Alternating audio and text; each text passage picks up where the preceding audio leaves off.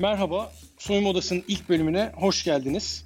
Serimizin ilk konuğu 97 yılından beri Türk basketbolunda önemli emekler veren, sporcu kariyeri sonrası NBA takımlarından Los Angeles Clippers'ın uluslararası oyuncu analizi ekibinde bulunan Ermal Kuçu. Soruları hazırlarken ekşi sözlükte hakkında en az yazılmış olan basketbolculardan biri olduğuna karar verdim.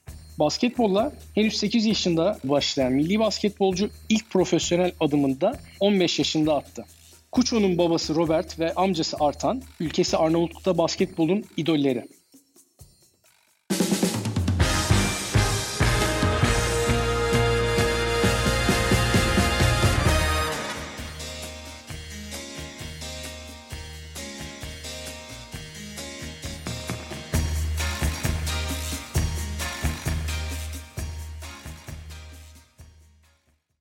Erman hoş geldin öncelikle.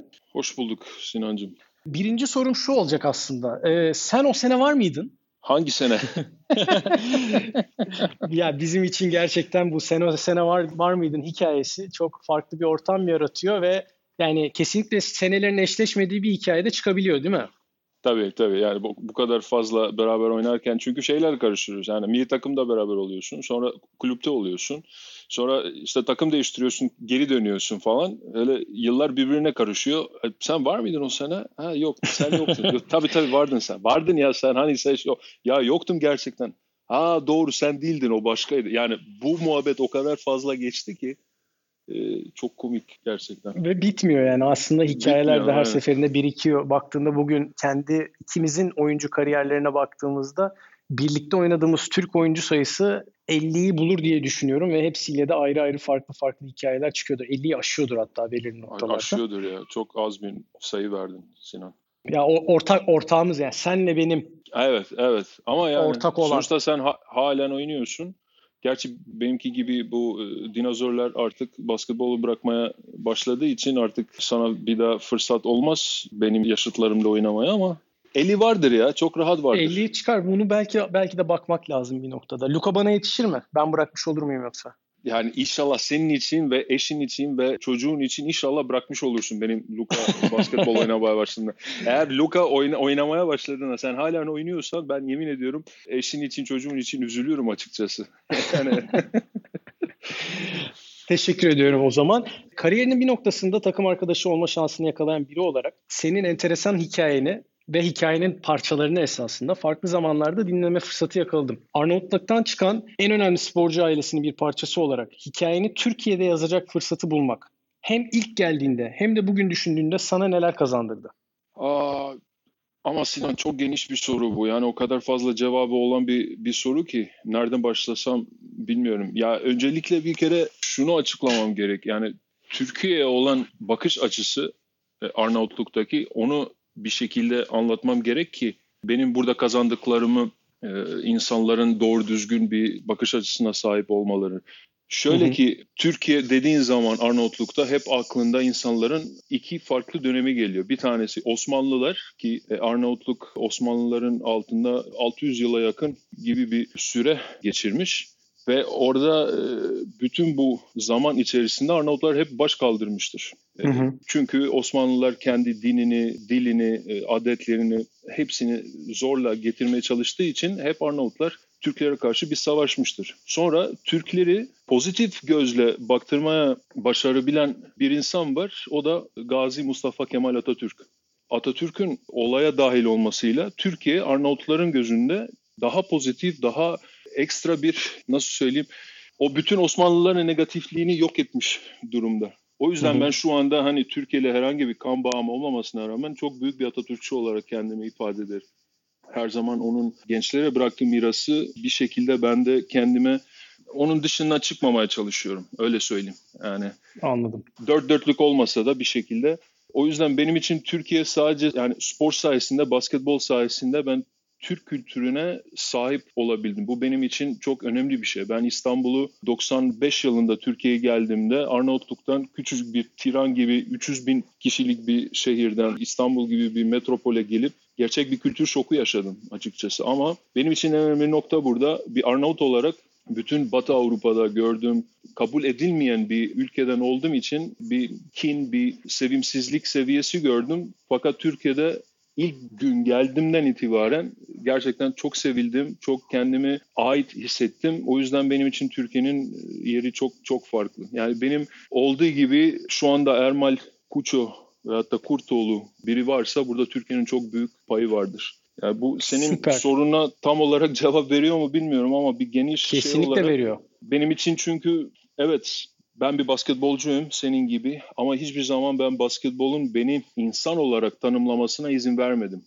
Basketbol benim hayatım bir parçası ve basketbol benim yaptığım iştir. Ama beni insan yapan, benim düşüncelerimi, benim hislerimi kesinlikle basketbola bağlı değil basketbol sahasındaki Ermal başka, saha dışındaki e, başka. Şunu demek istemiyorum. Hani basketbol önemsiz değil. Basketbol benim için çok önemli bir şey. Çünkü basketbol sayesinde dünyayı gezdim ve bir hayata sahip oldum. Ve iyi şartları olan bir hayata sahip oldum. Ama sağ dışındaki Ermal'in düşünceleri doğru düzgün bu şekilde olmasaydı zaten basketbola bir şekilde yans yansıtıp varabildiğim noktaya kadar varamazdım. Anlatabildim mi? Biraz çok yani çok net anlattım. Bir de yani esasında hem yani burada farklı farklı zamanlarda sohbet edip anlayabilecek şeyler oluyor. Bir de aynı zamanda burada soyunma odası olarak yapmak, benim yapmak istediğimi çok net bir şekilde ortaya çıkartıyorsun. Biz sporcular olarak saha içerisinde formayı giydiğimizde ve formayı terletirken bir sürü şey gözüküyor oluyor ama esasında hayatın geri kalanında bizim için anlam veren şeyler neler bunları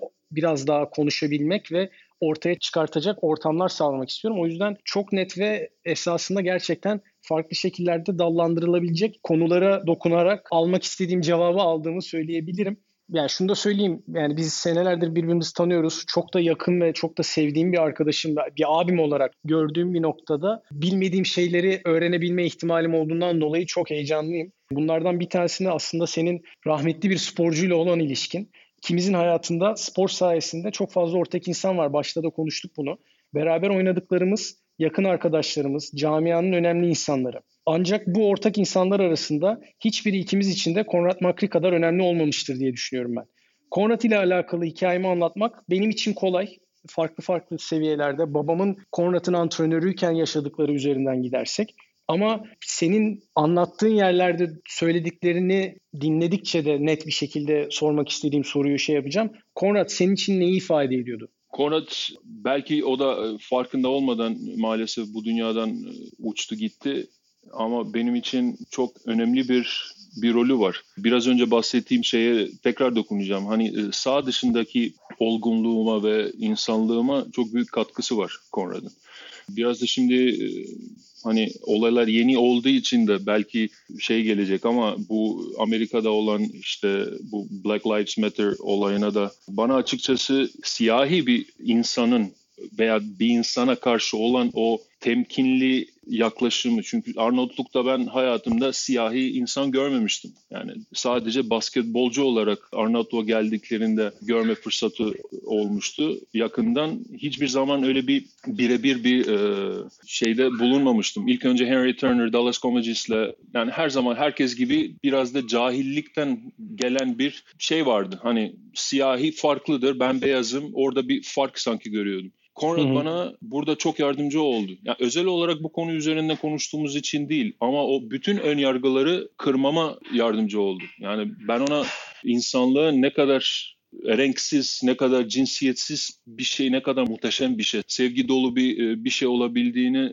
gösteren ilk insan. Yani ben ona inanılmaz e, borçluyum çok konularda. Çünkü benim gözlerimi çok fazla açtı. Amerika'daki basketbola olan yaklaşımını, düşüncesini bana bir şekilde aktarabildi. Gözlerimi açtı. Benim Fenerbahçe'de bench'te oturmaktan mutlu olmamam gerektiğini öğretti. Hı hı koleje gidip orada hem okulumu hem basketbolumu geliştirebileceğimi öğretti.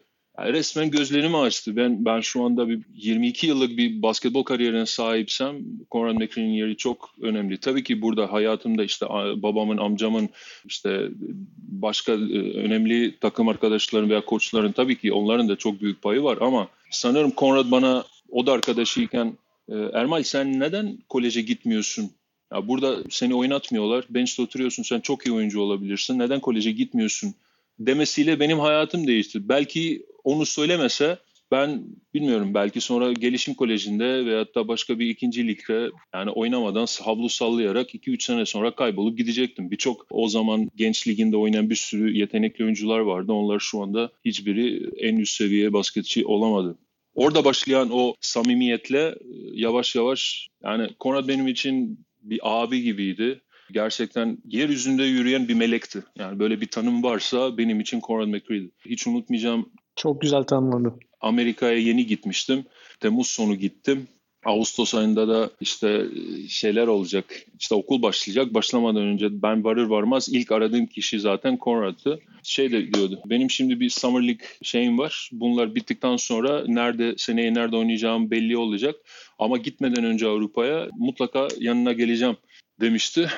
Ben de Fort Scott, Kansas'taydım. Yani Amerika'nın tam göbeğinde e, antrenmanlara başladım. E, üçüncü gün, dördüncü gün yanılmıyorsam iki tane koli geldi. Yani hatta şu anda Texas Tech head coach'u Chris Beard o zaman benim antrenörüm de orada. Ya diyor dördüncü günün burada senin burada kim yani olduğunu kim bilir? Ben de işte Conrad McCree diye bir arkadaşım var dedim. Yani bana bir sürü malzeme göndermiş. Yok ayakkabı, yok işte short, t-shirt. Bir sürü böyle bir e, Amerikalıların dediği care package işte. Amerikalı şeyler baya e, biz Türkiye'deyken bana hep bahsederdi. İşte Amerika'da Dr. Pepper diye bir soda var. İşte ondan sonra ne bileyim peanut butter tarzı çikolatalar, cookie'ler falan bunlardan bahsederdi. Hep böyle bir paket hazırlamıştı bana. Ondan sonra bir hafta veyahut da 10 gün sonra o koliyi aldıktan sonra maalesef vefat etti ve benim hayatım tamamen değişti. Yani çok acıklı bir hikaye ama e, aynı zamanda da onun yaptıklarıyla benim hayatım gerçekten çok değişti ve çok özel, çok çok özel bir yeri var benim kalbimde ve hayatımda Konrad'ın.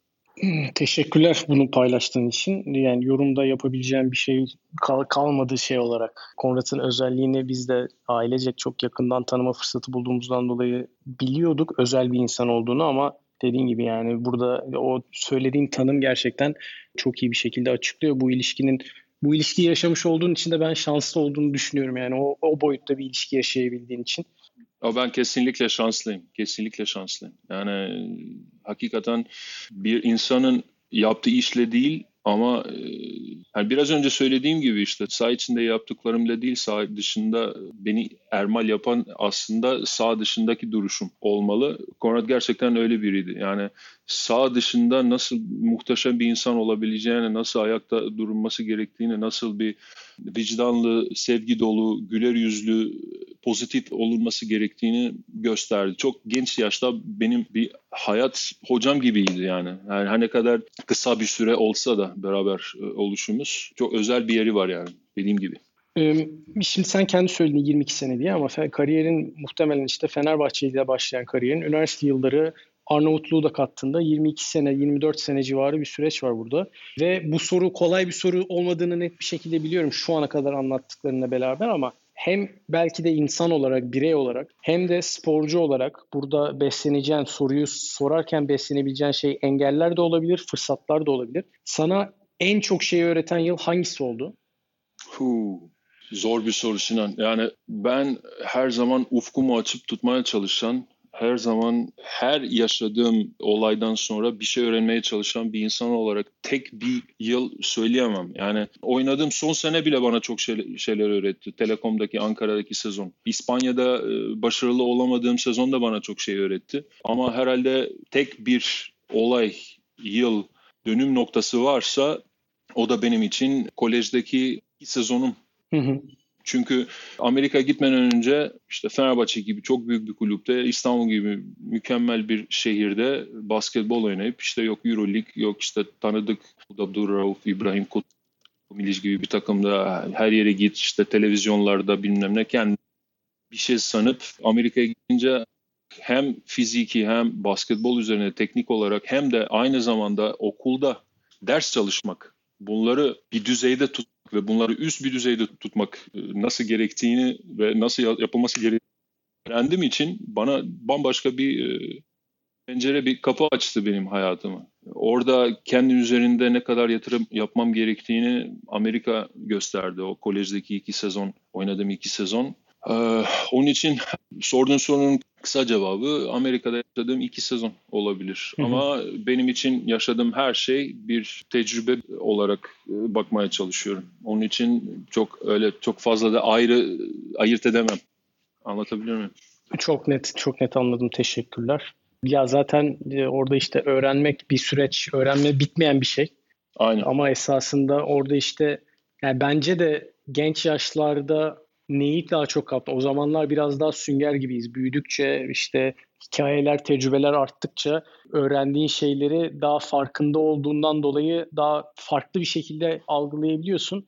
Özellikle o dönemlerde de geçmişe dönüp o genç olduğun, hiçbir şeyden haberin olmadığı dönemde yaptıklarına baktığında oradaki öğrenme sürecinin ne kadar hızlandığını da görebildiğini düşünüyorum. O yüzden yani ben de benzer şeyleri söylerdim genel haliyle yani. Hem kolej zamanında öğrendiklerimin bana kattıkları, oyuncu olarak da insan olarak da hem çok, de o sürecin bitmemesi esasında. Çok önemli bir nokta var. Sünger gibi olmak. Şimdi bütün çocuklar sünger gibidir. Önemli olan o süngeri doğru şeyler için kullanabilmektir. Yine Hı. tekrar şeye Konrad'a geri döneceğim.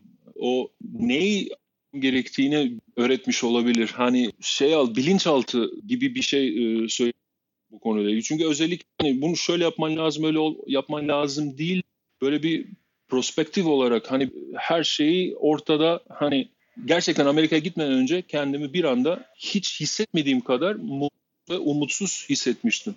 Nedeni de çok basit. Birden kendimi iki sene sonra Fenerbahçe'de değil de Fenerbahçe'nin üçüncü, dördüncü takımına bir yerde kiralık oynayıp sıradan bir oyuncu o noktaya kadar yaptığım bütün işte özveri, işte ailemi yalnız yalnız bırakmam, 15 yaşında Arnavutluk kalkıp git başıma yaşamam. Yani bütün hayatın getirdiği bütün zorluklarıyla başa etmeye 4 seneyi e, herhalde çöpe atmış olacağım gibi hissettim. Beni zaten Amerika'ya gönderen en önemli şey oydu. Sanırım orada evet sünger her şeyi kapmaya çalışıyordum ama o noktadan sonra neyi kapacağımı düzgün bir şekilde öğrendim sanki. Onun için sünger gibi olmak önemli, öğrenmek istemek önemli ama neyi öğrenmek istediği bence çok daha önemli. Çünkü yani önünü insan, insan önünü görmesi lazım ona göre bir plan yapması Tabii ki bunun için de mutlaka etrafında yanında yol gösteren e, ve senin iyiliğini isteyen birilerinin olması çok önemli. Benim için bir Conrad McMurray vardı, bir Jean Tabak vardı, bir İbrahim Kut vardı. Bu insanlar bana özel olarak hani direkt olmasa da onların örnek olarak aldığım için bana örnekleriyle, çalışma iste, e, isteğiyle, azmiyle, işte yaptıklarıyla, sağın içinde, sağ dışında yaptıklarıyla bana bir şekilde gösterdiler. Ama burada bir önemli nokta daha var. Biliyorsun ben konuştukça konuş olduğum için şimdi susmuyorum ama çok kısa bir şey daha ekleyeceğim. Hep şuna odaklanıyoruz. Biz kim yardımcı oluyor hayatımızda bir noktaya varmak için? Bence şu da çok önemli. Sadece iyi örneklerle, iyi şeyleri söyleyerek bize yardımcı olan insanlar değil, bir şeyin nasıl yapılmaması gerektiğini gösteren insanlar da çok önemli benim için. Ve orada o noktayı anlayabilmek çok önemli. Yani şimdi isim vermeyeyim ama benim kariyerimde de birçok abilerim de olmuştu. Yanlış şeyleri yaptıklarını düşündüğüm ve sonradan e, emin oldum. Benim hayatımda yardımcı oldu. Olmamam gerekiyor. Yani bu bir gece dışı 5'e kadar bir sonraki gün antrenman veya maç varken bunu yapmamam gerektiğini bu da bir tecrübe, bu da bir e, bir ders. Anlatabiliyor muyum yani? Yanlış yaptığını düşündüğün, yanlış yaptığını düşündüğün bir aksiyonu gördüğünde onu Aynen. anlayıp bunu tekrarlamamak veya uygulamamak kısmındaki şeyi e, aldığın dersi anlatıyorsun. Aynen öyle. Aynen öyle. Hı hı. Ve bununla beraber her zaman benim özelimde en azından çünkü hep soruyorlar sana kim çok hayatında işte Euroleague'de oynadın, böyle bir kariyere sahip oldun. Ha, kim yardımcı oldu? Bana yardımcı olan insan sadece pozitif yönde beni iten, bana destek olan insanlar değil, belki bana negatif bir enerji vermeye çalışan insanlar bir o kadar yardımcı olmuştur. Hı hı. Kaç tane koç senden hiçbir şey olmaz, sen de iyi değilsin diyenler. Ondan sonra ne bileyim işte arkamdan iş çevirme bir takım menajeri veyahut da bir yardımcı koç falan bunlar hep yardımcı oldu. Çünkü onlara göstermek adına bana bir motivasyon kaynağı oldukları aşikardı benim için. O yüzden bana destek olanlar kadar destek olmayanlar da yardımcı oldu kariyerimde. O yüzden şey çok önemli. O sünger gibi bilinçli olup kendini iyi bilmek çok bir insan için. Sadece basketbol için değil. Genel genel anlamda da söylüyorum. Bir de bahsettiğin şeyde çok önemli bir konu var. Engellerden doğru beslenmek lazım. Onun yolunu görebiliyor olmak ve onu aşmanın gücünü içinde buluyor olmak lazım ki zaten bugün burada olmandaki en büyük etkilerden biri de bunu başarılı yapıyor olman. Ee, bence de öyle çünkü normal şartlar altında aslında ben sahip olduğum kariyere sahip olmamalıydım. Geldim ülke Arnavutluk, basketbol neredeyse ondan sonra e, zaten de çok iyi biliyorsun benim çok önemli özelliklerim olmadığı için çok fazla zıplamayan bir oyuncu olarak basketbolda çok başarılı olmam gerekiyor. Aa lütfen ama çok iyi smaç, smaç vuruyorsun ama sen gene de yani. Ben öyle hatırlıyorum en azından.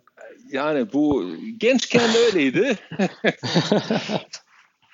İşte şaka bir yana gerçekten normal şartlar altında. Normal şartlar derken şunu kastediyorum. Önünün ve genel olarak genel görüşü olarak bir basketbolcu olarak e, düşündükleri kişilerin belli bir atletizme sahip olup uzun kolları, işte büyük elleri, ondan sonra e, ne bileyim iyi zıpları tarzında özelliklere sahip olmaları lazım. Bu saydıkları, saydığım özelliklerin arasında çok fazla yerim yok bir üst seviye basketbol. Aha, daha iyi olabilir miydim? Tabii olabilirdim. Ama bildiklerimle vardığım noktaya ben gerçekten kendimle gurur duyuyorum. Özellikle geldiğim ülkeden dolayı orada çok büyük bir handikap açıkçası. Net hatırlıyorum Hırvatistan'da 21 yaşındayım. Kolejden yeni dönmüşüm. E, Split'te imza atıyorum. Salona giriyorum. Tek yabancıyım. Şimdi düşünsene Yugoplastika yani 10 yıl önce 91'de Yugoplastika Split e, Euroleague şampiyonluğunun 3. üst üste 3. şampiyonluğunu kazanmış ve sen o takım genç oyuncusu olarak A takıma çıkmışsın. O takım bir tane yabancı oyuncu getiriyor. O da Arnavut. Arnavutluğun basketbolu yani yok neredeyse. Ben oyuncuların bakışlarını çok net hatırlıyorum. Bu herifin de burada ne işi var yani. Yani bir tane yabancı almışken niye bir Amerikalı veyahut da ne bileyim işte İtalyan veyahut da Yunan birini almıyoruz da Arnavut alıyoruz. Benim için o da önemli bir noktaydı kariyerimde. O yüzden dediğim gibi normal şartlarda burada olmamam gerekiyor ama biraz önce bahsettiğin o özellikleri, o engellere karşı yani sana karşı engel e, zaman şekilde pozitif bir şekilde onları lehine çevirmeye öğrenebil başarabildim diyebilirim. Yani esasında bundan bir sonraki soracağım soruya kendi kendine yol vermiş oldun. O yüzden onu sorarak devam edeceğim. Amerika eğitimi sonrası Efes'te Pırkaç'ın arkasında bir nevi usta çırak şeklinde bir ortamda buldun kendini. Bugünün basketbolunda senin de söylediğin gibi senin hacmindeki oyuncu artık eskisi kadar yer bulmuyor. Ve bu yani senin hem sahip olduğun özellikleri ön plana çıkarmanı sağladı belli şekillerde ve bunları belli şekillerde parlatmanı sağladı. Hem de farklı özellikler de katabildin oyuna. Şahsi fikrim bu benim.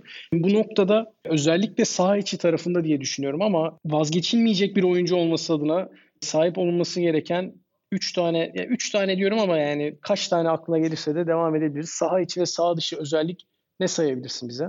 3 tane yeterli değil. Daha fazla lazım.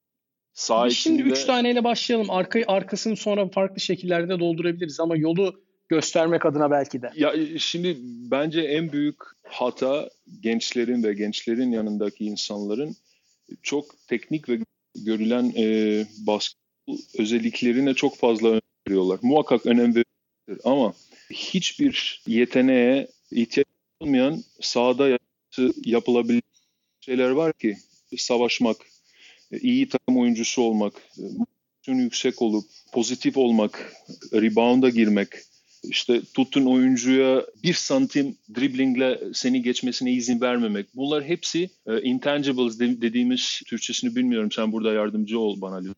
Yani sayısı yapmayan özellikler yani istatistik olarak gözükmeyen e, topa Elle atlamak. tutulur olmayan. Aynen bunlar çok önemli özellikler. Sağ dışında e, bırak oyunun ve yaptıkların seni sen gidip kendi e, reklamını yapmanı ihtiyaç duyma. Eğer iyi bir oyuncuysan senin oyun, senin takım arkadaşların, senin antrenörün senin hakkında bunları söylesin. Sen gidip ben çok iyi oyuncuyum, ben çok iyi takım arkadaşıyım. Zaten bunları söylediğin 90'da bu özellikleri kaybediyorsun. Hı-hı. Mütevazilik çok önemli bence e, iyi bir sporcuda. Aklınıza getirin bir Dirk Nowitzki gibi, Paul Gasol, Manu Ginobili gibi oyuncuları. Kendi reklamını yapmayan, e, yaptıkları işle zaten her şeyi ortaya koydukları e, çok yakından tanıdığım Kawhi Leonard. Adam kendi başına hani kendi hakkında hiçbir zaman hiçbir şey söylemez. Sadece sahaya çıkar işini yapar. Bunlar çok önemli özellikler. Sağ dışında o sağ içindeki o profili tamamlamak için de sağ dışında yapılması gereken en önemli şeyler kendini öğrenmeye açık tutmak, kitap okumak, konular hakkında bilgi sahibi olmak. E, bilgi sahibi olmak da burada ben uzmanım deyip her konu bir şey bilmeye yönelik şey söylemiyorum ama konular hakkında kendi fikir sahibi e, olmak çok önemli şu anda dünyada hep konuşulan sen sporcusun, basketçisin, sen sadece dribbling yapmaya devam et, başka bir şey yapma gibi söylemlere her zaman karşı olup kendi fikrine sahip ve o fikrin içinde aya- ayağa kalkıp savaşman gerekmek bunlar çok önemli özellikler. Hı hı. Zaten sonra yetenek üzerinde ve sahada yapılması gereken şeyler konuşmak gerekiyorsa tabii ki pozisyona göre farklı şeyler var. Bir point guard için sağ görüşü, işte pas yeteneği, takıma yön verebilmek, bir uzun oyuncu için rebound alabilmek, iyi koşmak, e, yine tekrar pas verebilmek. Bunlar oyuncudan oyuncuya değişir ama dediğim gibi benim için önemli olan sayısı üzerinde konulmayan yetenekler çok daha önemli. Dediğim gibi yani çalışma isteği, e, takımdaş üst seviye tutup sen kötü oynayıp da takım iyi oynuyorsa ve kazanıyorsa mutlu olmak, gibi gibi bir sürü sayabilirim yani sonu gelmez. Sen çok iyi bilirsin. Sen de öyle bir oyuncu olduğun için bu söylediklerim çok iyi anladığım, çok iyi biliyorum. Her türlü. Her türlü şekilde ve yani işte zaten burada dediğim gibi doğru mesajı ve doğru yolu çizmek de önemli olan e, genç sporcular için burada kendi hikayemizi paylaşırken senin hikayeni bize açtığın ortamda da bunu bir şekilde yapıyor olmak istiyorum. Biraz da gene saha içine dönüyor olacağım şu anda. Bizim yani hepimizin en çok da eğlendiği haliyle bildiğimiz şey hayatımız rutinle geçiyor. Özellikle maç günleri, rutinleri birbirimizle dalga geçecek boyutlarda ve seneler boyu da konuşacağımız seviyelerde, belirli noktalarda bireysel olarak senin maç günüyle alakalı hiç değişmeyen, aklından da çıkmayan bir rutinin var mıydı? Ya ben manyağın tekiydim ya. Yani çok yani ne yani bunun yani güzelleştirip nasıl söylerim yani manyak olduğumu. Oynarken sen çok net hatırlarsın. Yok işte otobüsten ilk inme isteğim yok işte hep sağ ayağımla içeri girmek yok işte bir ara haç çıkartıyordum falan böyle. Abuk subuk şeyler yapıyordum. Yani bir mini Spanulis gibi düşünebilirsin beni. Yani inanılmaz derecede inanılmaz derecede bir batıl inancı. Yani hatta kendi kendime gülüyordum. Ya hiçbir şeye yaramayacağını çok iyi bildim halde hep ya olursa yani tam bu Nasrettin Hoca'na ya tutarsa şey var ya ben de hani ya ben şunu yapayım da alayım. Tamam kötü oynayabilirim. O giremez, belki girmez falan. Onları hep düşünüyordum. Ve diyordum ki ya salak salak şunu yapma. Şu yani bir dursun işte 45 derece açısı durmasın falan böyle şeylere takılıp sonra diyordum ki yok yok ben bunu yapayım da ne olur ne olur. Yani var da olmaz olur mu ya? ya. Vallahi zaten yani, yeteri kadar saygın yani manyak daha ne diyeyim yani. Bugün bugün bugün bile hala ben bile yani yaklaşık 6 senedir de devam ediyor. Takım otobüsünden hala ilk inen kişi olarak çok net bir şekilde anlıyorum söylediğini o yüzden. eklemene de gerek kalmadı diye düşünüyorum şu, şu noktada. Ya Sinan ben bir ara yaklaşık 4 üst üste Twista'nın bir şarkısı vardı. Twista'nın zaten çok tek bir albümü var çok ünlü. Bilmiyorum hatırlıyor musun Twist hızlı rap yapan bir Aynen aynen. Ha. Twista'nın bir şarkısını 4 yıl üst üste düşün. 4 yılda kaç tane maç oynayabilir bir insan? Yani eski usulde olsa, yani eski formatta da olsa yani yaklaşık 50-60 maç oynuyorduk. Ya bir insan her maçtan önce aynı şarkıyı dinler mi 4 yıl üst üste? Sonra dedim he yeter be kardeşim diye. Bir daha Twista'yı dinlemedim yani. Sana program bittiğinde bir tane playlist yollayacağım. Benim de son gene 4-5 senenin playlisti. Yani playlistin adı Last Three ama şu anda 7 şarkı falan var içinde. Ee, bazen yeni şarkı çıkıp da ekleyebildiğim haliyle sahaya çıkmadan önce o yani o şarkıyı kesin o şarkıları kesinlikle dinliyor oluyorum yani belli bir noktada ve sırasını falan da değiştirmiyorum kesinlikle. Yani Biz bu yüzden iyi anlaşıyoruz ya ben bunu gördüm kesinlikle. Aynen o yüzden. Bir de şey vardı sen fast break'te ben hep öne koşardım. Pozisyon alırdım. Sen bana orta sahadan bounce pass atardın. Sonra adamını geçip backdoor'dan Ben o sırada kayma. depara kalmış bir şekilde turnikeyi aynen. Yani İnsanlar pasör, bakıyordu bu, bu, adamlar, bu adamlar nereye koşuyor diye. Sonra bir bakıyorsun Sinan kaymış turnikeyi. Turnikeyi, turnikeyi kaymış. Ya esasında bir tane daha soru soracaktım ama burada zaten çok şeye dokundun. Yani sporun etkisinin yanında hayatında önemli etkisi olan bir felsefe veya konsept var mı diye ama o kadar çok şeye dokundun ki kendiliğinden anlattığını düşünüyorum ama yine de eklemek isteyeceğim bir şey var mı bu sorunun bir parçası olarak? Yani şimdi yine başlarsam susmayacağım. O yüzden senin dediğin gibi bir sürü noktaya değindik. Özel olarak öyle söyleyeyim aklıma gelmiyor ama felsefe olarak birçok şey var. Benim sende senden aldığım mesajı ben en azından özetlemeye çalışayım. Sporcudan fazlası olmak, kendini geliştirmeye açık olmak. Bunlar zaten kendi yani ille de bir böyle izimlere oluşturmaya gerek yok böyle bir felsefeyi anlatmak için ama yaklaşım olarak bunları söyleyebilirim. Yani Senin bak e, tamam şunu söyleyeyim mutlaka e, ben hiçbir zaman kendimi biraz önce de bahsettiğim gibi sadece sahada yaptıklarımla e, kısıtlamadım. Benim için önemli orada felsefe noktası nedir biliyor musun? Basketçi ile sporcu arasındaki farkı e, yaratabilmek ve anlatabilmek ve anlayabilmek. İlk önce anlayabilmek, Hı-hı. kendim anlayabilmeye çabaladım. Sonra bir nevi anladığımı düşünüp belki henüz e, anlayamamışımdır fakat az da olsa anladığımı düşünüyorum. Bunu anlatabilmek. Basketçi olmak ne demek? Sahaya girip basketbolu oynayıp iyi bir basketbolcu. İyi, çok güzel. Sporcu olmak çok farklı. Çünkü bir sporcu sadece sahada yaptıklarıyla değil. Yani genel olarak bir duruşu olması lazım bir insanın. Bir avukat gibi, bir doktor gibi benim gözümde bir farkı yok. Ha tabii yaptıklarımız dünyaya, kamuya, topluma yarattığımız farklar çok farklı. Çünkü işte gerçek bir avukat dürüst ve çalışkan olduğu zaman doğru şeyler için savaşıp e, adalete inanan bir insan e, doktor hayat kurtarıyor. Sporcu ne yapıyor? En büyük ikilemin buydu Sinan. Çok uzun zaman hep şey diyordum. Ya ben topluma ne katıyorum? Ben bir basketbolcu olarak, bir sporcu olarak sahaya çıkıp bana dünyanın parasını veriyorlar. Ben oynuyorum. Sonra evime gidip şu anda dünyada aç gezen insanlar, işte şiddete maruz kalan kadınlar, çocuklar var. Ne bileyim biz bu sporla spor oynarken bu insanları hayatının gerçeklerini uzaklaştırarak bir nevi bir sirk maymunundan farkımız ne acaba?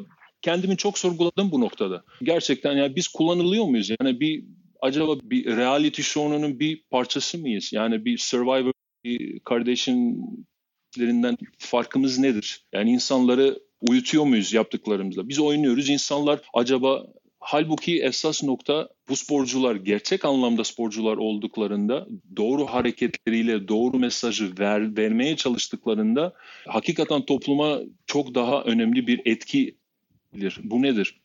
Şunu düşündüm. Yani büyük bir takımda oynuyorsun ve senin takımın yeniyor. Belki hayatında çok zorluklarla boğuşan bir baba, bir çocuk maça gelmiş o gün.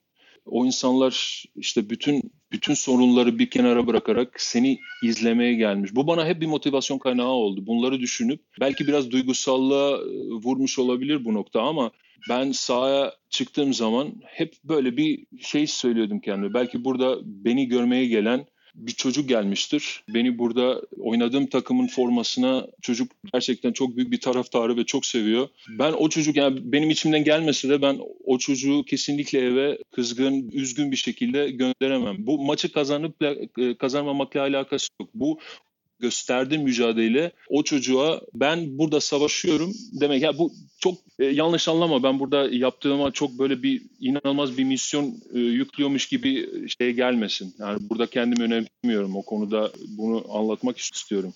Sadece şunu söylemeye çalışıyorum.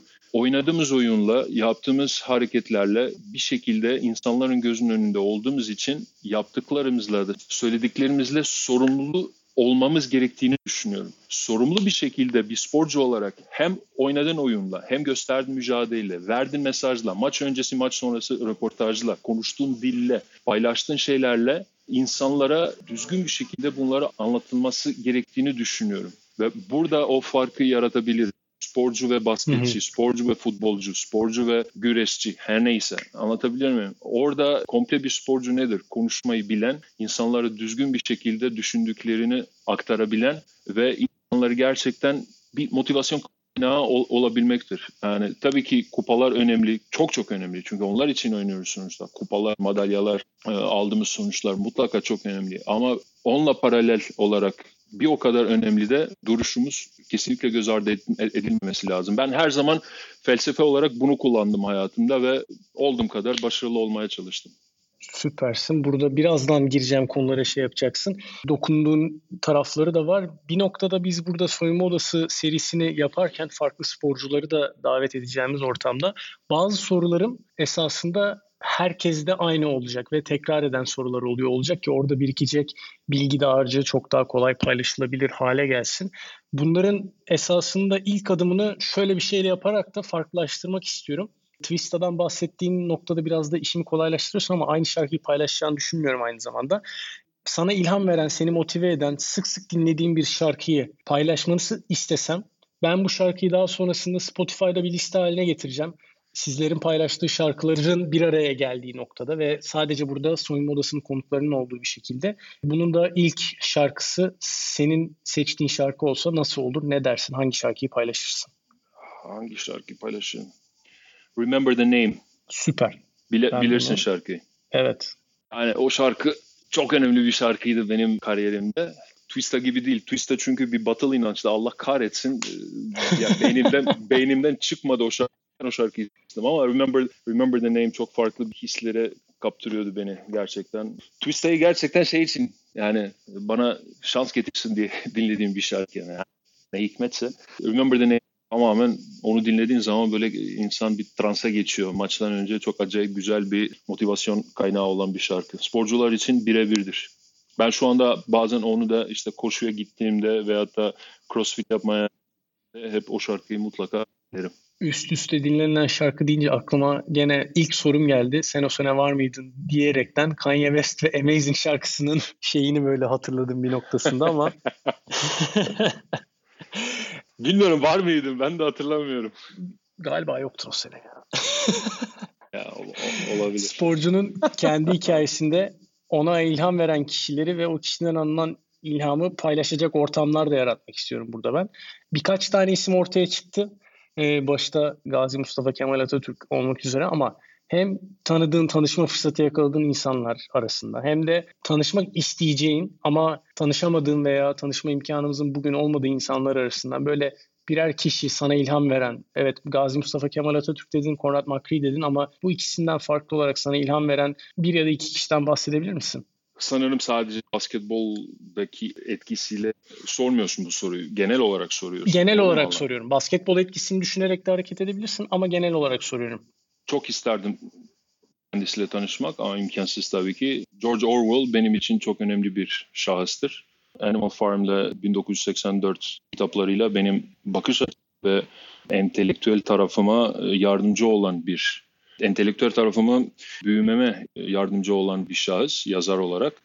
Çok sevdiğim bir yazar ve gerçekten beni yani büyürken şey yaparken erken yaşta okuduğum için de yardımcı oldu. O bir. ikincisi Dirk. Çok sevdiğim bir oyuncu. Her zaman e, karşılıklı oynamak sanırım benim kariyerim en önemli highlightlarından biri. Almanya milli takımına karşı Türkiye'de Türk milli takımda oynarken Almanya karşı oynadığımız maçlarda ona karşı oynamak benim için her zaman böyle bir çok çocuk gibiydim açıkçası. Bana hep ilham kaynağı olmuştur. Son ve en önemli da babam. Çünkü babamın ve benim hikayelerimiz paralel olarak yani e, özelinde aynı olmasa da hikayenin genel anlamında çok benzer bir şekilde bir kariyerimiz oldu. Babam Arnavutluğun çok küçük bir şehrinden gelip basketbolla ilgili olmayan bir aileden annesiz kalıp işte küçük kardeşlerine bakmak için basketçi olmaya karar verir. Ve Arnavutluğun gelmiş geçmiş en iyi 3-4 oyuncularından biri oluyor kariyeri sonunda. O da benim gibi küçük bir şehirden işte Tiran gibi bir şehire geliyor. En önemli takımda geliyor. Muazzam bir kariyeri oluyor. Ondan sonra Tiran'da kalıyor falan filan. Benim de işte ona benzer bir şekilde Arnavutluk gibi küçük bir şehirden gelip İstanbul gibi bir metropole geliyorum. İşte ailemi benim hikayem babamınki gibi dramatik, trajik bir hikaye değil. Ee, benim annem babam ikisi de hayatta sağ salimler. Ama ben de onun gibi küçük yaşta çok büyük bir şehre geliyorum. Arnavutluk'tan basketbolla ilgisi olmayan bir ülkeden geliyorum. Bir nevi bir şeyleri de ben bir şekilde bir kariyer sahibi oluyorum. O yüzden en önemli ilham kaynağım her zaman babam olmuştur. Ayrıca da entelektüel tarafıma da en büyük katkısı olan annemin tarafından dedem. Yani çok insan Hı. saydım ama benim yaşındayken matematik ve okuma yazma öğret. Ee, e, benim işte antik Yunan tarihine karşı olan ilgim e, onun verdiği kitaplarla başladı. Okumaya olan e, yaklaşımım ve sevgim tekrar işte dedemin tarafından yani onun beni teşvik etmesiyle başladı ve çok yardımcı oldu bu. Ve yaptığım spor ve sporcu olarak tanımlayıcı şeylerinden biri. Ben dedemi her zaman bu konuda benle gurur istediğim için bana motivasyon kaynağı olmuştu. Yani bana dedem hep söylemişti. Zaman yaptığın işi seni tanımlamasına izin verme. Sen yaptığın işten çok daha fazlasısın. O yüzden burada bir ortaya karışık bir avuç insan saydım ama e, birer bir onların hepsi benim hayatımda çok önemli yeri var. Peki programın içerisinde belli bir noktada bahsettiğini de düşünüyorum ama yine de sormak istiyorum. Geçmişe baktığında hangi verdiğin karar bugünkü Ermal olmanda en büyük katkısı olmuştur? Zor bir soru be Sinan. Bilemiyorum çünkü öyle bir şey var. Farklı bir karar almış olsaydım ne varacağımı bilemem. O yüzden biraz muamma kalır. Hı hı. Ben her zaman şuna bakarım. Hiçbir zaman böyle uzun uzun vadeli planlar yapmam. Ne olacağını çünkü hiçbir zaman kestiremezsin. Hayat acımasız olduğu gibi çok da güzel. Benim için dün olan bir tarihe karışır. Yarın ki hiçbirimiz için yarın e, söz verilmiş değil. Yani bir garantisi yok. Benim için önemli şey bugün. Ve ben her zaman bir karar aldığım zaman bu kararın doğru olup olmadığıyla çok fazla kafayı yormamaya çalışıyorum. Benim için önemli olan bir karar aşamasında hem de o günün şartlarıyla karar almam gereken zamanda o günün şartlarıyla kararı doğru nedenler için almam gerektiğini düşünüyorum ve ona göre kararımı alıyorum. Sonra tabii zaman gösteriyor ki bu karar yanlış veya bu karar doğru. Mesela yani yanlış yaptığım kararlar bir sürü kararlar vardı ama hiçbir zaman ben o kararların üzerine yanlış yaptım vermiş olduğum kararlar üzerinde hiçbir zaman pişmanlık duymadım. Çünkü pişmanlık duymak için o kararı alırken emin olmamam anlamına geliyor. Ve ben aldığım her karardan alırken hep emindim. Efes'ten ayrılıp İspanya'ya giderken doğru bir karar olmadığını gösterdi zaman bana. Belki yanlış takıma gittim, belki belki gidiş zamanlamam yanlıştı ama ben giderken doğru nedenler için o kararı aldım. O yüzden bir pişmanlık olarak bilmiyorum. Aksine bana şeyler öğretti o hikaye. E, aynı şey Galatasaray'dan ayrılırken Efes'e geri dönüşüm bir 3-4 sene sonrasında. O da yanlış karar olduğunu anlamına getiremem. Çünkü kalsaydım belki farklı şeyler olabilirdi ama ben o kararı alırken doğru nedenler için aldığımı düşünüyorum o kararı ve o yüzden aldım. Ve hiçbir zaman arkaya bakıp ha keşke şöyle yapsaydım zaten o, o şekilde hayatı yaşayan. Onun için özel olarak şu kararı aldım ve çok iyi oldu diyemem. Çünkü hı hı. Mesela baktığın zaman evet 15 yaşında Türkiye'ye gelerek iyi doğru bir şey yaptığımı söylüyor ama belki 15 yaşında Amerika'ya gitseydi farklı bir şey olabilir. Kim bilir. Belki Amerika'ya hiç gitmesem benim düşündüğüm gibi negatif değil de belki daha iyi olabilirdi Türkiye'de kalsaydım. Hı hı. Hani o, o kadar o kadar olay var ki arada. Darüşşafaka'dan ayrılıp Türk Telekom'a gitmem. Ben Türk Telekom'a giderken doğru için gittim. Fakat orada bulunduğum üçüncü antrenmandan sonra anladım ki yanlış bir şey yapmışım. Ama yıkılmayıp tekrar bir, bir şey bir şey içerisinde bir e, savaş içerisinde müdahale içerisinde buluyorsun ki yanlış bir karar aldığını anlasan da o andaki e, imkanlarla maksimumunu çıkarıp pozitif bir hikayeye dönüştürmeye çalışıyorsun. Hı hı. Çünkü hiçbir zaman hiçbir şeyin garantisi yok. Ben Split'e ilk geldiğimde, Amerika'dan döndüğümde ilk iki ay benim için berbat bir cehennem gibiydi. Çok kötü geçirmiştim. Benim burada ne işim var geldim. Ama bir noktada dedim ki ya buraya kadar gelmişim, geri dönüşü yok. Ben sonuna kadar maksimumunu yapacağım. Ve iyi ki yapmışım. Yani kalmasam şu andaki eşimle tanışmam olurdu. Kaldım, eşimle tanıştım. Şu anda çocuğumuz var. Yani hayat öyle bir değişik ki hiçbir zaman yani sorduğun sorunun kısa cevabı özel olarak şu karar almışım diyebileceğim bir nokta yok. Çünkü bütün aldığım kararlar benim şu andaki olan Ermal'e ulaştırdı. Doğrularıyla yanlışlarıyla ben şu andaki sahip olduğum düşünceye, bilgiye ve bilgisizliğe, cahilliğime bütün hep ortaya neyse Hepsi bütün tecrübemle bugünkü insanım. Belki başka farklı bir şey, bir karar almış olsaydım daha akıllı, daha iyi bir durumda olabilirdim, daha kötü bir durumda olabilirdim. Kim bilir yani o, şunu söylemeye çalışıyorum ben anımı yaşamaya çalışan bir insanım. Anladım. Peki Erman başarının tanımı ne senin için? Mutlu olmak. Peki başarıların arasında seni en iyi hissettiren ne oldu? Hmm, güzel soru.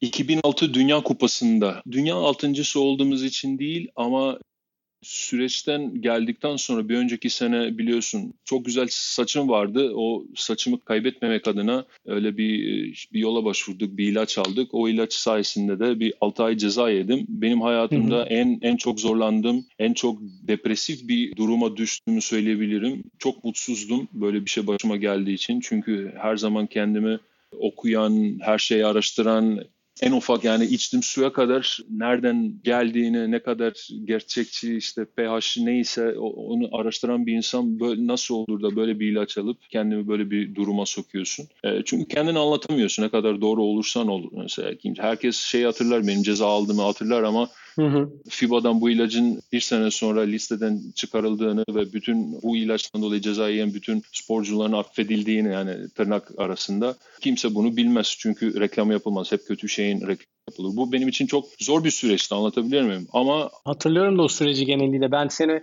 belki o sezonlar seninle böyle arkadaş olduğumuz bir ortam yok ama o hikayeyi çok net bir şekilde hatırlıyorum ben. E, işte ben de e, akabinde işte dünya şampiyonası geliyordu Japonya'da ve ben o Japonya'daki turnuva benim için çok önemli bir yeri var. Çünkü beni hakikaten hayata geri döndürdü. Ben basketbola tutmuştum. Böyle bir depresyon herhalde, bir mental bir düşüş yaşamıştım ve beni o turnuva e, hakikaten geri hayata döndürdü ve o zamandan sonra zaten hep mutlu mutlu olmaya çalıştım ve mutlu olmama çok yardımcı oldu.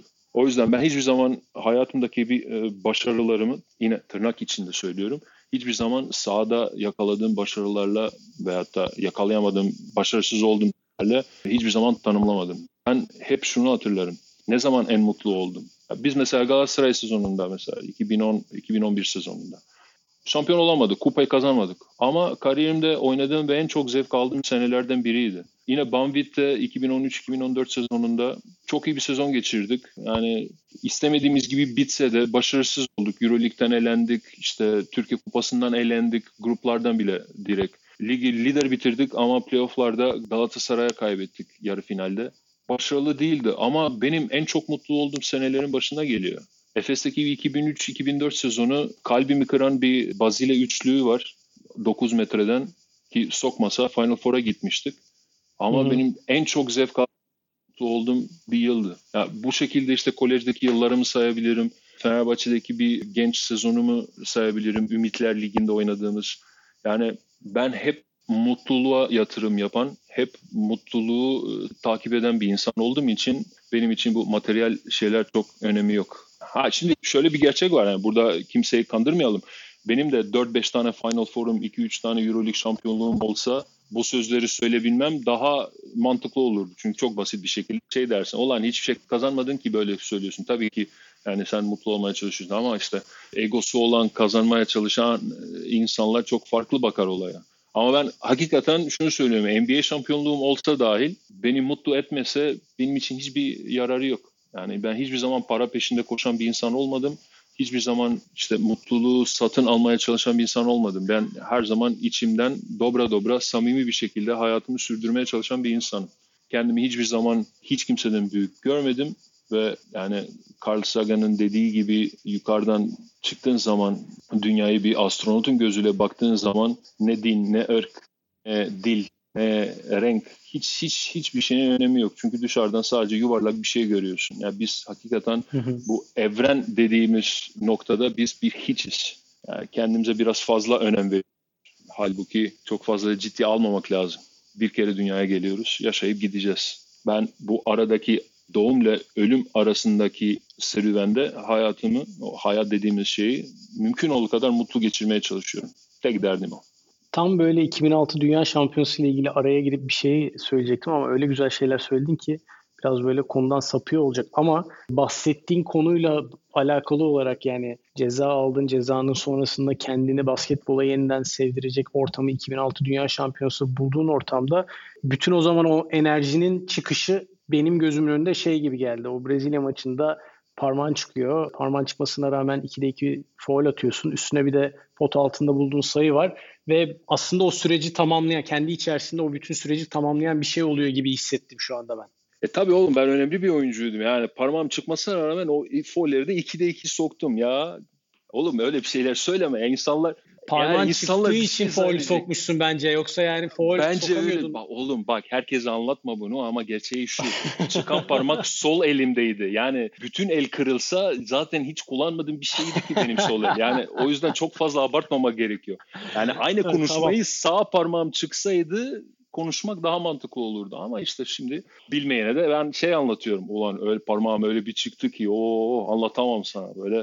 Tamam ben bunu zaten. özel bölüm olarak ayrı tarafta açıklıyor olacağım. Bir tarafından şimdi başarının özellikle materyal başarıdan konuşmak kolay. Senin bahsettiğin haliyle materyal olmayan bir başarıyı yakalamak aslında farklı bir aydınlık gerektiriyor insanda geneliyle. Başarıdan konuşmanın da burada kolay olduğu tarafları var. İşte şu kadar para kazandım, şu kupaları kazandım. Kendi bahsettiğin gibi söylediğin şeylerde. Peki başarısızlık nedir senin için? Mutsuz olmak. Kendini çok fazla önemli görüp egonun senin bütün kişiliğine ele geçirip ve senin bütün kararlarını egonla kendini herkesten büyük görerek etrafa mutsuzluk saçmaktır. O çok büyük bir başarısızlıktır. Cahil kalmak. Şu andaki devirde Wikipedia'nın bedava olduğu yani kütüphanesi parmakların arasında olduğu halde insanların cahil kalmayı seçmeleri çok büyük bir başarısızlıktır. Budur benim için başarısızlık şu anda birbirimizle dil, din, cinsiyet ayrımı yaparak birbirimizden nefret etme noktasına gelip insanoğlu hakkında ben çok büyük bir sınıfta kaldığımızı düşünüyorum insanoğlu olarak. Ee, hayvanlara karşı gösterdiğimiz saygısızlık, vicdansızlık, çocuklara karşı yapılan saçma sapan olaylar, el kaldırmalar, şiddetler, cinsel istismarlar, kadınları öldürmemiz bunlar hepsi çok büyük başarısızlık. Benim için başarısızlığın tanımı insan olduğu halde insan olamamaktır. Yani belki biraz felsefeye bağladım burada ama gerçekten benim için başarısızlık budur. Ya şöyle bir şey var Sinan. Herkes kendi koyduğu hedeflere göre hayatında ilerler. Kimin hedefleri çok para kazanmak, kimin hedefleri ne bileyim işte çok başarılı olmak işinde. Ben kendimi basit ve önemsiz bir insan olarak görüyorum. Kendim için önemliyim ama dünya çapında baktığım zaman yani ben bu dünyada olsam da olur, olmasam da olur. Ama oğlumun dünyasında, eşimin dünyasında, sevdim saydığım insanların dünyasında olmam önemliyse o zaman başarılı olmuş olurum. Yani sonuçta biz bir gün ölüp gideceğiz ve e, öldükten sonra öldüğümüzü anlayamayacağız. E, anlayacak olanlar etrafımdaki biz sevdiğimiz insanlar sonuçta. Onlar bizim gidişimizi en çok hissedecek. Hı hı. Eğer biz yaşadığımız hayatla etrafımızdaki sevdiğimiz insanlara iyilik saçabiliyorsak, eğer onlar için bir pozitif bir varlık olarak hayatımızı sürdürebiliyorsak başarılı olduğumuz demektir. Benim başarım ve başarısızlığım benim kesinlikle ve kesinlikle materyalliğe hiçbir zaman bağlanmamıştı. En azından ben şey yapmadım. Dediğim gibi benim için mutlu olabilmek ve e, yararlı olabilmektir. Sevdiklerime ve normal insanlara da. Yani ben kimseye bir e, kötülük yapmamaya çalışan bir insanım. Yani dünya hepimizin dünyayı temiz tutmaya çalışan ne bileyim işte hayvanları seven, işte insanları seven bir hayat sürdürmeye çalışıyorum. Son olarak genelde klişe şey hep böyle geçmişe gönderilebilecek mesajlar olabilir diye düşünüyorum. Ben yani benim gördüğüm işte ne bileyim Players Tribune örneğinden gidersek Hı başarılı, efsanevi olmuş sporcuların hepsi belli bir noktada işte geçmişe bir mektup yazıyorlar. O hikayeyi anlatmak ve yönlendirmek adına. Ee, ben şöyle bir farklı bir şekilde bakmak istiyorum bu konuya. Geleceğe bir mesaj yollamak istesen, kendine bir mesaj yollamak istesen, kendine neyi söylemek ve neyi hatırlatmak isterdin? Zamanlama olarak da bir kısıtlama aslında koymak istemiyorum çünkü hayat bu. Yani bugün, bugün, yarın ve dünden bahsettiğin yeteri kadar. Bugünü yaşamaktan da bahsettin genel haliyle ama bugünden geleceğe bir mesaj göndermek istersen gelecekteki Ermal'in hatırlamasını isteyeceğim bir konu olsa ne olurdu bu? Ermal'cığım umarım hep mutlu olmak istediğin kadar mutlusundur. mesaj vermek istemem sadece küçük bir not. Çünkü ne geçmişe bir mektup yazmak ne de geleceğe öyle bir mesaj bırakmak kendimi hiçbir zaman o kadar önemsemedim ki gelecekteki Ermal'e bir mesaj bırakayım. Yani dediğim gibi çok basit bir yani ben sen beni çok iyi biliyorsun. Bazen grupta da öyle birbirimize şakalaşıyoruz. Benim söylediğim şeyler yani bizim grupta da yazdığım şeyler hep şeydir. E, düzdür. Ben çok fazla şey yapmayı sevmiyorum. Özellikle kendimi önemsememeye çalışıyorum. Hı hı. Ve o yüzden çok basit bir mesajım var kendime. Yani sadece inşallah umarım bu noktaya gelene kadar son kendini hatırladığın noktaya kadar hep istediğin e, olabilmişsindir. Öyle bir hani ne diyebilirsin ki bilmiyorum gerçekten hiç düşünmedim ama düşünecek olsam da herhalde aynı şeyi söylerdim. Anladım. Valla Ermal teşekkür ediyorum. Böyle güzel bir sohbeti benimle yaptığın için ve benim bildiğim, tahmin ettiğim, biraz cümleleştirerek de kanıtladığın Ermal'i bize tanıştırdığın, gösterdiğin için. Soyunma Odası'nda ilk programını böylece Şimdi bir dakika gerçekten oluyoruz. ilk program bu mu? Gerçekten ilk program bu. Yani ilk olarak beni mi seçtiniz? İlk olarak ben seni seçtim evet. Oğlum muhteşem. Post korona dünyasında ilk yemek kendimi çok tamam. yani şimdi bir saattir anlatıyorum yani beni çok fazla böyle ben hiç önemsemiyorum kendimi falan da yani bu soyunma odasının ilk şey olarak beni davet etmen gerçekten çok teşekkür ederim. Yani senin network'ın da çok geniş. Beni de buraya bir numara olarak soktun ya. Gerçekten şu şeyi kapattıktan sonra ağlayabilirim yani. Yok ağlamayalım beraber hiç duygulanmaya gerek yok. Ben tekrar gerçekten teşekkür ediyorum parçası olduğun için ve seni seçmemin ne kadar doğru olduğunu da çok net bir şekilde gösterdin. Çünkü burada girmeye çalıştığımız hayat insanların sporcu yeteneklerinin dışında bazı şeyleri farklı şeyleri gösterebilmek. Belli bir noktasında samimi olduğumuz bütün insanların çok da fazlasıyla malzeme verdiğimizi düşünüyorum bizimle dalga geçecekleri ama e, mutlaka e, bu işin parçası olduğun ve ne derler bir standart koyduğun nokta olduğunu düşünüyorum belirli noktalarda. O yüzden çok teşekkür ediyorum ve umuyorum ki yakın zamanda o dediğin yemeği yiyebiliriz. Kimin ısmarladığı çok önemli değil. Bir araya gelelim, sohbet edelim. Ee, önemli olan o. Çok teşekkür ediyorum o yüzden. Ben teşekkür ederim kardeşim. Onore oldum gerçekten. Sana ve ekibine çok üstün başarılar diliyorum. Şovun modası gerçekten doğru adımla başladı diyebilirim. Tırnak çok içinde. sağ ol. Soyunma Odası'nın ilk bölümünü burada bitiriyoruz. Umuyorum ki beğenmişsinizdir. Bir sonraki bölümde de farklı bir sporcunun hayatına ve saha dışında neleri düşündüğünü, neleri yaptığını konuşuyor olacağız. Dinlediğiniz için teşekkürler. Kendinize iyi bakın.